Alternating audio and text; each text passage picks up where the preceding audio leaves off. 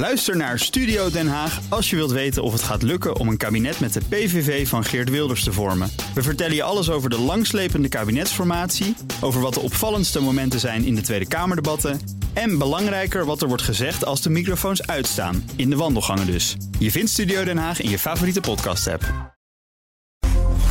BNR Beurs wordt mede mogelijk gemaakt door Bridge Fund. Make money smile. BNR Nieuwsradio. BNR Beurs. Wesley Weert, Jelle Maasbach. We zijn er weer, of beter gezegd, jij bent er weer. Waarvoor dank. Mooi dat je weer luistert naar de podcast voor de slimme belegger. En Jelle, er worden ook al vragen ingestuurd. En dat is mooi hè, voor, eh, voor onze experts, voor die vrijdaguitzending. Maar je kunt natuurlijk gewoon nog vragen sturen als je dat niet hebt gedaan naar bnrbeurs.bnr.nl. En iedereen die dat doet, die maakt ook kans op dat boekje van Corné van Zeel. We hebben elke dag die, uh, die spreuk. Maar kun je nou niet wachten, dan kun je misschien dat boekje winnen. Heel mooi. Het is maandag 13 eh, februari, de dag dat de AX fors hoger sloot. 1,4 procent maar liefst op 762,6 punten. Unilever was de grootste stijger, ruim 3 procent hoger de dag uit. En maar twee dalers. Aal Delhaize met een minimumverliesje van een tiende van een procent. Egon met 0,3 procent. En onze gast van vandaag is Koen Bende van Mercurius Vermogensbeheer. Jongens, ik wil uh, beginnen met goed nieuws. Maar daar hangt ook slecht nieuws uh, aan vast. Zal ik dan met het goede Ja, maar beginnen? maar. Ja? Het goede nieuws dat is namelijk dat een recessie in de eurozone... die komt er niet. Dat denkt de Europese Commissie. Eh, die kwamen met nieuwe economische groeivooruitzichten. Maar, en dan kom ik meteen met slechte nieuws... Er zijn wel nog steeds serieuze risico's en die blijven. En dan gaat het bijvoorbeeld over geopolitieke spanningen... maar ook onzekerheid over China. hè, Want gaat dat land wel of niet open? En dat alles, dat kan de inflatie opnieuw doen oplaaien. En daar kwam dit weekend dan nog een andere waarschuwing bovenop... van Larry Summers. Hij is onder meer eh, oud-minister van Financiën. This tightening cycle is not just about one more, two more, three more 25 basis point increases, but something more fundamental.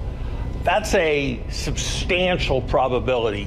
So I don't think it's a moment for any kind of euphoria.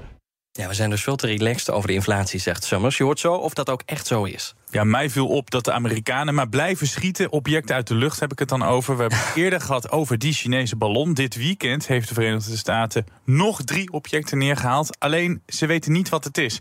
Of het een spionerend Chinees geval is of wat anders. The U.S. military shooting down a fourth unidentified high altitude object Sunday, this time over Lake Huron. What's gone on the last uh, 10 days has been uh, nothing short of craziness. And uh, the military needs to have a plan to not only determine uh, what's out there, but determine the dangers that go with it. Koen, goed dat je er bent. Werd jij net al gespie- gespioneerd door de Chinezen? Jouw telefoon sloeg op hol net. Ja, eh. eh, Siri die begon opeens eh, mee te spreken. Het, eh, dus die, die heb ik maar uitgezet. Hè? Hey, wat denk jij van, van, van deze hele situatie? Gaat dit escaleren tussen China en de Verenigde Staten? Met die ballonnen? Ja. Nou, nee, dat denk ik niet. Kijk, ehm, eh, A, moeten we nog maar afwachten wat er nou precies in die ballonnen zat. Hè, en eh, of, of ze inderdaad uit China kwamen. Kans is redelijk aanwezig voor de eerste ballon. Maar het doet mij een beetje denken aan dat je normaal gesproken niet vermoedend over straat eh, eh, eh, loopt. En opeens zie je iets raars. Ja, dan ga je nog eens goed kijken. En voor je het weet ga je overal omhoog kijken. Dus eh, nu eh, zien we er opeens overal zien we van die ballonnen hangen.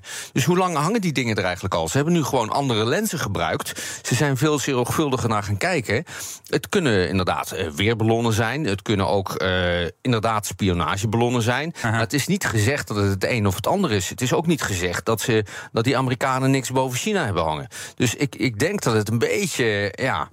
eh, dit, dit drijft wat spanning op. Maar ik denk niet dat dit een, een, een punt gaat zijn waarop de hele boel gaat escaleren nu. Nee, en trouwens, ik zag ook dat China zei dat de VS minstens 10 spionageballonnen over China liet vliegen. Dus nu wijzen zij ook eh, naar Amerika, want die doen hetzelfde. Ja, het is, het is donker buiten, anders zou ik nu ook eens goed omhoog kijken. Ja, nou kijk zo meteen als je naar huis gaat nog maar eens goed omhoog inderdaad. Eh, dan een machtswissel bij Shell. Het bedrijf kreeg laatst al een nieuwe CEO. En nu krijgen ze ook een eh, nieuwe directeur eh, voor Shell Nederland. Marjan Verloon die vertrekt en die wordt opgevolgd door Frans Everts. Hij is nu nog verantwoordelijk voor de communicatie. Maar hij wordt dus de baas van eh, de Nederlandse divisie. En naar welk bedrijf gaat ze? Um, nou, zij gaat uh, rondrijden in een, uh, in een Volkswagen-busje. Dus reizen. En ik las ook dat er saxofoon klaar ligt. Dus ik denk dat ze even niet naar een ander bedrijf gaat, maar even andere dingen gaat doen dan werk. Um, en Koen, die nieuwe directeur, Frans Everts voor Shell Nederland. Wat, wat heeft die man eigenlijk nog te zeggen? Want ja, Shell is nu Ja, hij is, hij, uh, ik denk dat hij de ambassadeur van Shell uh, in, uh, in, in, in Nederland is. Maar ja, Shell is, geen, ja, is, geen, geen, ja, is natuurlijk nog heel belangrijk voor Nederland. Is nog heel belangrijk voor Shell, dat wel. Maar de echte beslissingen worden natuurlijk in Londen genomen. Ja, dat is duidelijk. Ja, wat mij ook uh, opviel uh, vandaag was een berekening in het FD. Die ging over de autosector. Je denkt misschien dat ze het lastig hebben, maar niet op de beurs. Sinds begin van het jaar zijn auto-aandelen namelijk met 20% gestegen. Ruim aan kop. Een recessie is voor nu vermeden, maar wie denkt dat we daarmee alle ellende omzeild hebben, die heeft het mis. Je hoort zo wat je te wachten staat en hoe je ermee omgaat. Maar we beginnen met eh, de auto-aandelen. Die zijn het jaar extreem goed begonnen. Gemiddeld stegen de fondsen met dubbele cijfers. Met Tesla in de kopgroep. Dat steeg dit jaar al zo'n 80% Doet het niet alleen goed bij beleggers, maar ook bij autokopers. The Model Y is now the best-selling vehicle in California. We're not talking best-selling electric vehicle, best-selling vehicle overall. Eerst even over Tesla. Een paar weken geleden werd het bedrijf nog bijna afgeschreven. En nu in één keer zo flink aan kop. Hoe komt dat? Dan denk je die ommekeer daar heeft uh, plaatsgevonden. Nou, ik denk die ommekeer door, door meerdere. Uh, A, natuurlijk, ze komen van een dramatisch 2022. Hè, ja. min, min 70 procent. Uh, mede door uh, datgene wat Musk met Twitter aan het doen was. Maar ook door tegenvallende verkopen. Of althans, geruchten daarover. Waar het nou exact vandaan kwam. Ik denk dat je nu gedeeltelijk de reversal daarvan ziet. Ik denk dat je de effecten van de belastingverlagingen uh, uh, ziet, maar ook van de prijsverlaging. En dat kan Tesla natuurlijk als beste van allemaal, want ze hebben de hoogste marge. En ze hebben nog steeds toch ook wel een behoorlijke uh, voorsprong. En ik, ik hoorde ergens vandaag dat het 24% van alle transacties die er zijn geweest in Tesla enkele aandelen van uh, particuliere beleggers zijn geweest. Dus de particuliere belegger komt ook weer terug in Tesla. En uh, ja, dat, dat, dat zorgt voor die, voor die, voor die boom ja, Het lijkt wel alsof hij het zo georchestreerd heeft... dat nu alles achter elkaar op zijn plek valt.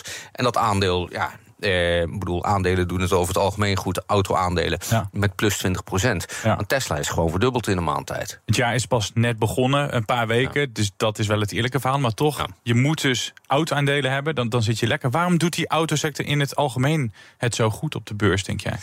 Nou, ik denk dat dat uh, tweeledig is. Ik denk dat de automobielindustrie ontzettend veel geleerd heeft van de afgelopen twee jaar. En een van de dingen die ze geleerd hebben, is dat ze dus als ze een iets wat ander beleid voeren, dat ze helemaal niet hoeven te werken met allerlei uh, discounts en, en acties om auto's te verkopen. Maar als ze nu gewoon rustig zitten, ja, dan kunnen ze heel snel hun marge veel beter maken. Tegelijkertijd zijn heel veel problemen die ze hadden in de, in de toeleveranties. Ja, die lijken nu uh, opgelost te zijn. Dus het is het balanceren. Uh, zorgen dat er niet al te veel auto's op de markt komen. Maar dat de auto's die op de markt komen ook maar verkocht worden tegen de hoge prijzen. Ja, ja dat, dat lijken ze vooralsnog goed vol te houden. En uh, ja, ik denk dat tweedehandsprijzen ook, ja, die lijken toch ook nog wel. Die zijn ook weer een klein beetje aan het stijgen in de Verenigde Staten. Dus uh, het geeft aan dat oude auto's als ze kapot gaan of te veel verbruiken, ja, die wil je toch vervangen. Ja, dan maar wat uh, dieper in de, in, in de knip. En dat gaat uh, nu heel erg over Tesla, maar wat zijn de andere beursgenoteerde autobedrijven die uh, voor jou uitspringen, die het echt goed doen? Nou ja, je ziet wel dat de, alles wat met EV te maken heeft, het, het heel erg goed doet. dus daar, daar zit wel een hele sterke rit in. Uh, als je me nu vraagt hoe dan de GM's en de Fords van deze wereld... ja, dat heb ik niet helemaal helder op de radar, maar... Uh, Ford is een van de weinige autobouwers die het, uh, die het goed doet. Ja. Uh, Toyota en Ford, voor de rest doen ze het allemaal uh, supergoed. Zijn dat dan ook interessante beleggingen voor jou? Dat je zegt, nou, dat ik snap eigenlijk wel dat beleggers nu in de auto-aandelen zitten. Nou, ik vind het niet super interessant. Uh, ik vind het interessanter om te kijken naar ja, waar, waar gaat de totale uh, maatschappij, waar beweegt die naartoe? En dat, dat is inderdaad andere combustions. of dat nou waterstof gaat zijn, of dat nou elektrificering is. Uh, dat, dat zet door, dat zie je nu. En de, de autobouwers die daar het meest op inspelen, die hebben eh, nu weer even de beste papieren. Plus, laten we niet uitsluiten, eh, in de afgelopen weken zo, niet sinds het begin van dit jaar, gaat het ook over artificial intelligence. Eh, Dat is Jelle's favoriete onderwerp. nou ja, goed, kijk, als er een autobouwer is die dat in zich heeft, of als er autobouwers zijn die dat in zich hebben, dan zijn het de EV-bouwers, Ja. de pure EV-bouwers. En eh, ja, met Tesla voorop. Maar, Dus- maar Koen, Koen, eh, even nog een ander punt. Want jij had het net over die discounts. Hè, dat ze daar even vanaf hebben gezien om die marge te verbeteren in eh, de afgelopen twee jaar. Maar je ziet nu weer het tegenovergestelde. Je ziet, eh, want we hebben het vaak over prijsverhogingen. Maar in die autosector zijn er nu meerdere fabrikanten, geleid door Tesla, die prijsverlagingen doorvoeren om die afzet op peil te houden. Dus dan hebben ze er misschien helemaal niet zoveel van geleerd. Want ze gaan nu weer allemaal discounts geven. Eh, nou, in dit segment van de, van de elektrificering misschien wel, omdat dat de hottest place to be is en iedereen probeert daar marktaandeel te pakken. eh, toch slaagt met de kleine prijsverlagingen die Tesla doet, eh, het bedrijf er wel in om zijn marktaandeel te houden. Eh, ge- Getuigen het quoteje waar we net Philip Bo hoorden Ja. zeggen dat het de, best, de Model Y de best verkochte auto in, eh, in Californië is. Maar Tesla kan dat doen, want jij zei net al, die marges die zijn veel hoger dan bij andere Ja, autofabrikanten. Daar staat de rest van te watertanden. Eh, Dreigt er een prijzenoorlog of kunnen die autofabrikanten niet mee vanwege die marges? Nou ja, als er, als er een prijzenoorlog komt, dan heeft Tesla in ieder geval de, de meeste munitie. En, eh, en in dit geval gaat het erom wie, er langs, eh, wie het langste kan blijven schieten. Nou, dat, dat doe je met de meeste munitie. Dus als je, dan, eh, als je je dan wil wapenen, om even in die terminologie te blijven, dan kan je beter in Tesla zitten dan in, in bijvoorbeeld of een Duitse of een, een Aziatische Ja, kijk, die, die, die, wat Tesla, Tesla heeft jaren voorsprong. En die heeft, die heeft grote megafabrieken op elk continent staan. Dat hebben de Chinezen nog niet. Die hebben gewoon ontzettende afhankelijkheid nog van het transporteren vanuit China naar andere werelddelen. Als je in een, in een mondiale oorlog terechtkomt waarin er gezegd wordt van nou, we komen weer in een trade war. Oh, die auto is gemaakt in China, hop, belasting erop. Daar heeft Tesla veel minder last van, want als de Chinezen dat ook doen, dan zeggen ze oh nee, maar deze is gemaakt in Shanghai. Dus eh, dat, dat is al eeuwen oud. Hè. De Volkswagen deed dat in Brazilië al en in Mexico. Daarom zijn er kevers uit Mexico, uit Brazilië, uit, uit Zuid-Amerika werd er eh, lokaal ge- ge- geproduceerd om al die importheffingen niet te hebben. Dus je moet een mondiale speler zijn. BNR Beurs. Blik op Wall Street en daar eh, groene boren. Beleggers die starten de beursweek dus met frisse moed. De Dow Jones staat eh, bijna een procent hoger. De S&P 500 ruim een procent. En de Nasdaq eh, anderhalf procent in de plus. En ik eh, wil er in ieder geval even één aandeel uitpikken. Dat is het aandeel Meta. Eh, dat aandeel stijgt, staat nu bijna 3% hoger. Hè, natuurlijk het moederbedrijf van Facebook. En dat komt omdat ze weer met een ontslagronde komen, meldt eh, de Financial Times. Koen, is dat wel handig, weer zo'n ontslagronde?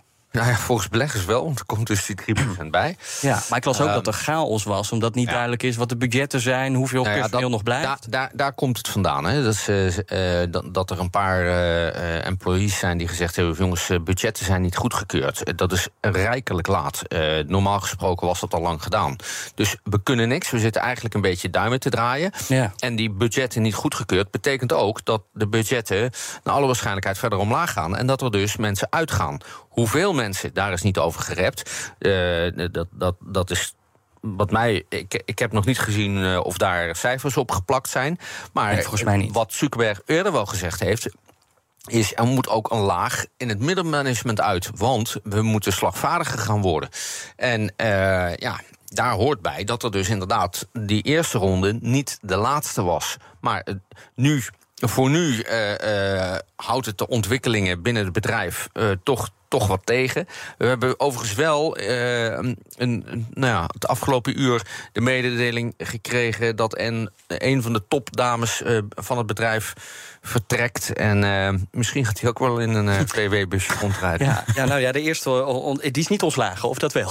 Nee, nee. Oké, die is nee. niet de eerste in de ontslagronde. Andere opvaller op eh, Wall Street is Norfolk Southern, een spoorwegmaatschappij. Dan denk je, oh, oldschool saai. Maar dat bedrijf is wel echt verwikkeld in iets heftigs. Gaat nu zo'n procent naar beneden.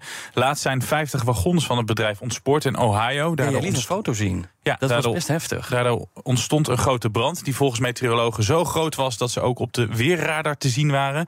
Er waren gevaarlijke stoffen bij betrokken. Dat worden sowieso schadeclaims. En waarschijnlijk moeten ze ook die hele dure schoonmaak gaan bekostigen. Want de overheid heeft dit weekend laten weten dat ze zo goed als zeker schuldig zijn aan het ongeluk. Feitje, Warren Buffett is een van de belangrijkste aandeelhouders van dit bedrijf. BNR Beurs.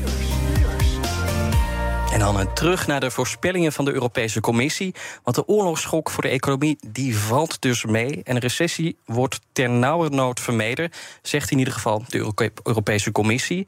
Eh, Koen, heb jij net zoveel vertrouwen in een eh, goede afloop? Eh, nou ja. We, wat zij aanvoeren als een van de belangrijkste argumenten is dat die gasprijs eh, goed op, op, op peil blijft. Althans, laag blijft. Lager, ja. Eh, dat komt door de relatief warme winter. De winter eh, ja, duurt misschien nog vier weken. Maar ik zie hier en daar al vogels weer terugvliegen eh, het land in.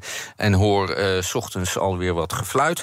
Dus eh, nee, maar dat betekent dat de koude periode voorbij is. Ja, dat is Alle gasopslagen zitten nog 66% vol. Dus energieprijzen zijn en blijven laag. Eh, we hebben de, de impact van de oorlog minder heftig gezien tot nu toe. Gedeeltelijk ook door externe factoren, zoals de heropening van China. Ja, ehm, dat bij elkaar opgeteld.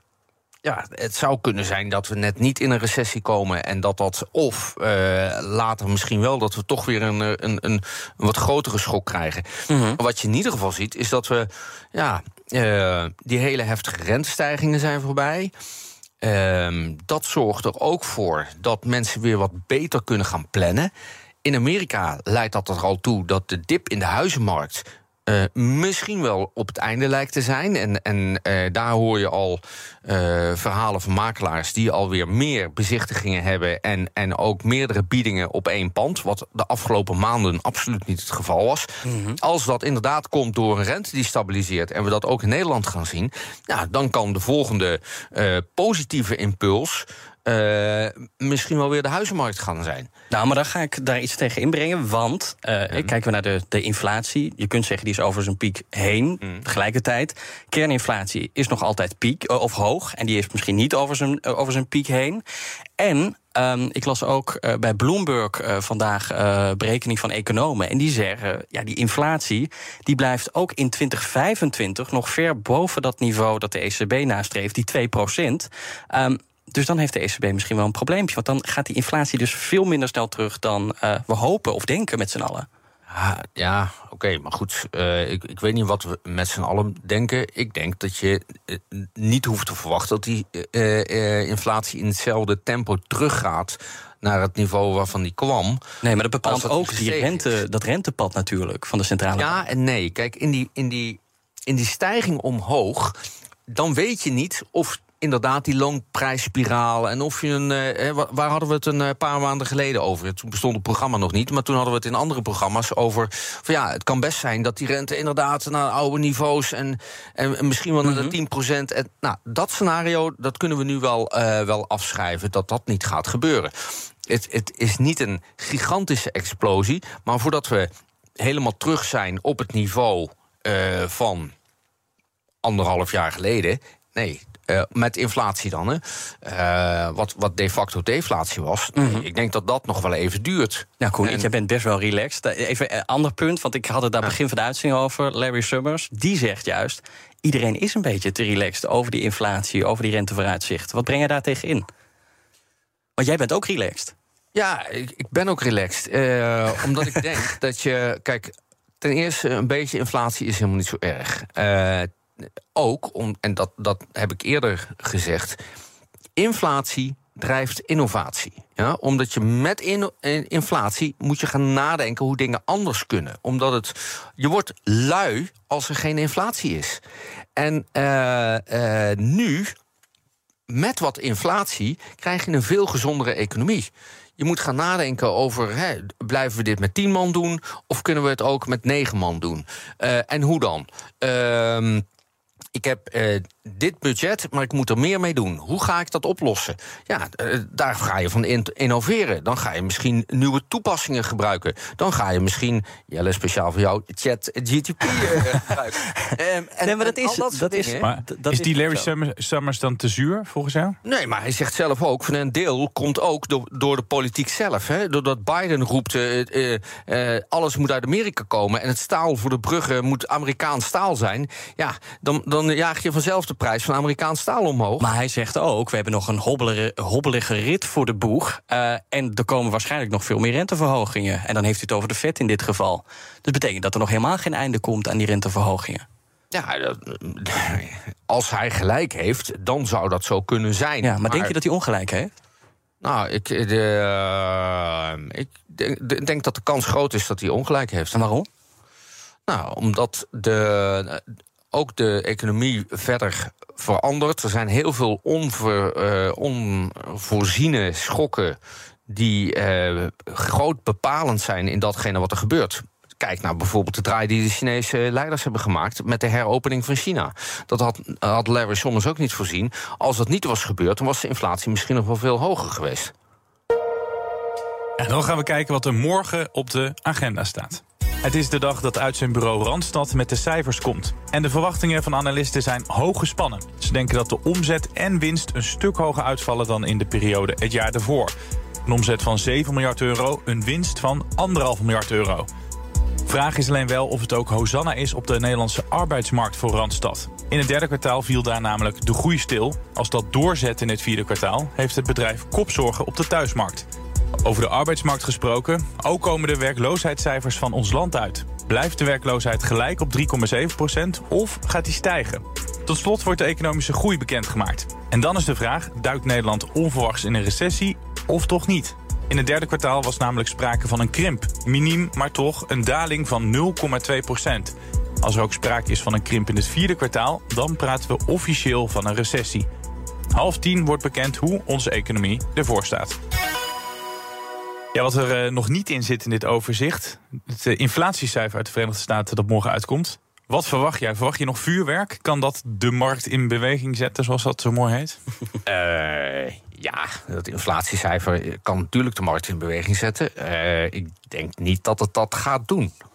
Ik denk dat het inflatiecijfer een, een, een, een voortzetting van het beeld laat zien dat het nog steeds aan de hoge kant is, maar afneemt. Eh, en eh, we moeten ook niet vergeten dat vorig jaar rond deze tijd begon die inflatie al, eh, was die al behoorlijk, eh, behoorlijk hoog. En eh, ja, zo'n beetje ro- rond 14 februari, wat het morgen was, is, eh, lag de, de, olieprijs eh, ook op een op behoorlijk hoog niveau. Dus je ziet dat al op heel veel gebieden ja, loopt die inflatie terug. Ik denk wel dat de inflatie van eh, karakter en structuur gaat veranderen.